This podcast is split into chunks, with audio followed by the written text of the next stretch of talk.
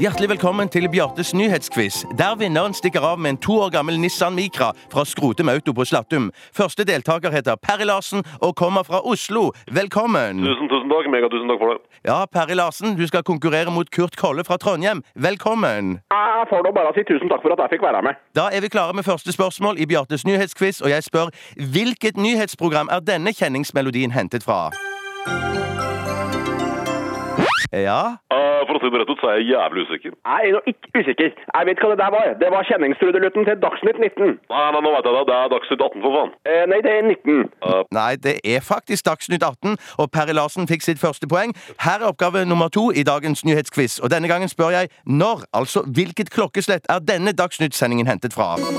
Her er NRK Dagsnytt klokken Ja, når på døgnet ble denne Dagsnytt-sendingen sendt? jeg tror nå vi skal litt ut på formiddagen, jeg. Ja, Nei, nei, nei, ikke faen. Jeg tror vi skal ut på kvelden, jeg. Jeg vet ikke helt, jeg. Nå ble jeg usikker, jeg nå. Jeg sier klokka 22, jeg. ja vel, klokken 22, ja, det er et modig forslag. Ja, jeg er nå bra modig, jeg òg, så jeg altså. sier 23, jeg, så. La oss høre hvem som har rett. Her er NRK Dagsnytt klokken 22. Fy fader, dramaet Rastafletta feil igjen, altså. Dessverre, Kurt Kåle, du tapte nyhetsquizen. Det er vel ikke noe mulighet for å tjene seg litt trøstepoeng her, vel?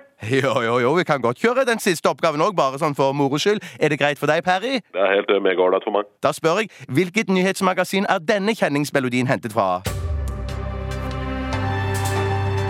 Ja, ja, ja, jeg vet det. Det vet jeg. Ja, det vet jeg også. Dritenkelt for meg. Ja, det var nå trudelutten til Dagskabareten, ja. det var Dagsrevyen! Eh, nei, det er ikke noen revy. Vi kaller det for kabaret her i Trondheim, sjø. Dagskabareten.